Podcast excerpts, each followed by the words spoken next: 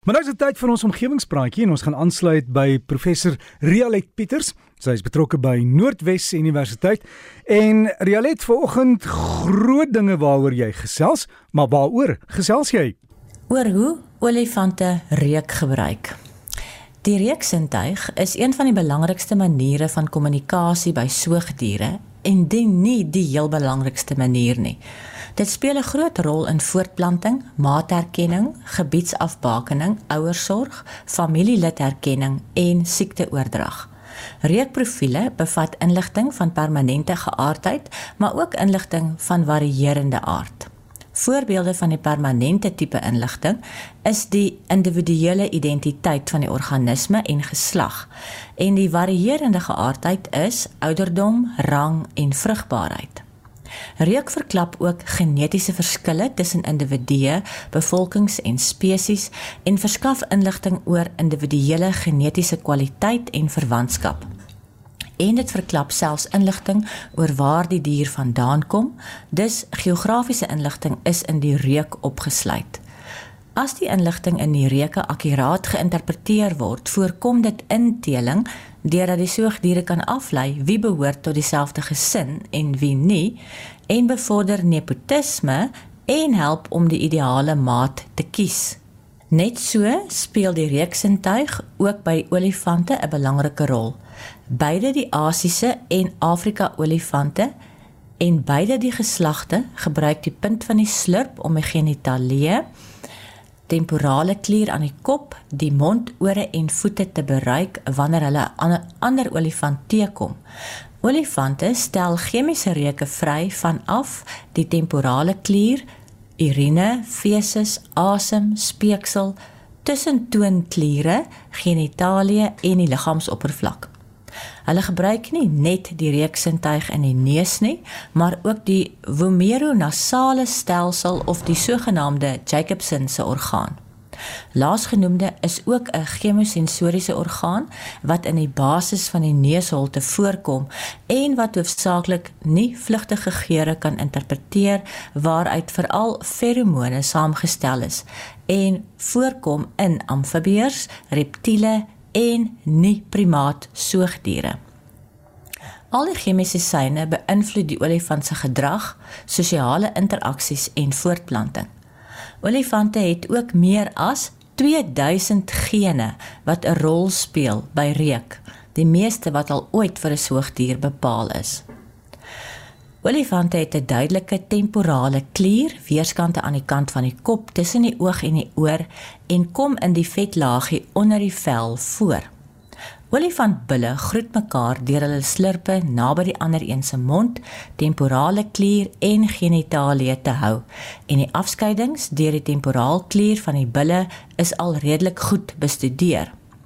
Die Afrika olifantkoeie het ook afskeidings deur haar temporale klier, terwyl die Asiëse olifantkoeie nie juis die klier gebruik nie.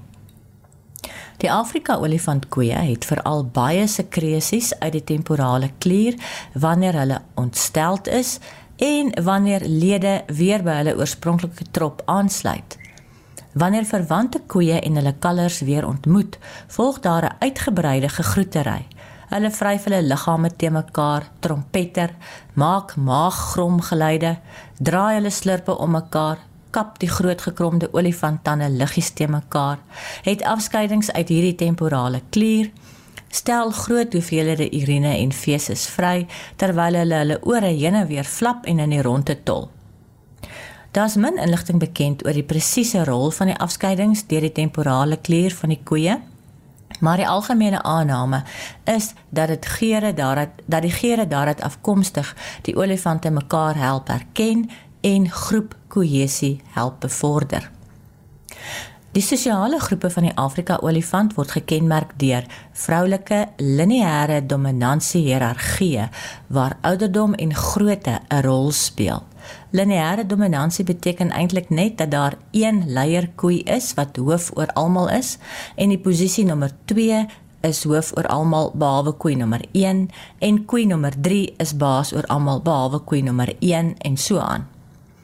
En groepe stig af en herenig weer op gereelde basis, maar die saamstel van aparte groepe in een groter groep vind makliker plaas as die koeie van die onderskeie groepe direkte familie van mekaar is en gene deel. Wanneer 'n jong olifant bul 14 jaar oud is, verlaat hy die familiegroep waarin dit gebore is en sluit aan by 'n trop wat net uit bulle bestaan en deur ouer bulle gelei word. Sosiale stabiliteit en dominansie word in die bultroppe bepaal deur voortplantingsstatus en dominansiestatus wat deur die bronstigheid van die bulle bepaal word en hierdie status word deur die temporale klier as te ware uitgesaai. Maar interessant genoeg, hierdie geure word beïnvloed ook deur bakteriese werking. Die koeie vorm bande wat lank hou. Die reukprofiele wat die olifantkoeie onderskei, vertel vir mekaar of hulle geneties verwant is aan mekaar en help om hulle self te organiseer in groepverdediging en om mekaar se kinders saam groot te maak. Hierdie inligting wat ek sopas gedeel het, kom uit 'n artikel wat in 2022 in Scientific Reports deur Dr. Katarina von Druckheim wat toe by die Universiteit van Stellenbosch was en haar medewerkers gepubliseer is. In haar studie het Dr. Druckheim die reuke wat deur die olifante afgegee word ondersoek en probeer vasstel of diere wat geneties aan mekaar verwant is, dis nou lede van dieselfde gesin, dieselfde soort reukprofiele het. Hierdie konsep staan bekend as die reuk-geen kovariansie en beteken dat bloed versamel moes word om die DNA-toetsing te kan doen. Die reukprofiele van temporaal klierafskeidings, genitalie en monde van 113 Afrika olifante wat in Malawi van een reservaat na ander verskuif moes word, is bepaal. Haar bevindinge het daarop gedui dat daar nie 'n genetiese verwantskap is met wat mens kan beskryf as die trop se reuk nie. Die enigste genetiese verwantskap en reuk wat wel aangetref is, is by die labiaal afskeidings van die olifant susters. Dit wil voorkom of die trop reuk wat lede van dieselfde trop deel van bakterieë afkomstig is wat die olifante met mekaar deel as hulle hulle liggame teen mekaar vryf en hulle maters met hulle slurpe ondersoek. Die diere kon ook die ander se ouderdom in die temporaal klier sekresies en mondreuke vasstel.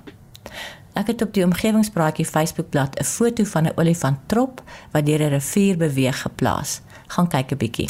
Rialet Pieters, dankie vir daai inligting oor die olifante en as jy wil kontak maak, omgewing by rsg.co.za die e-posadres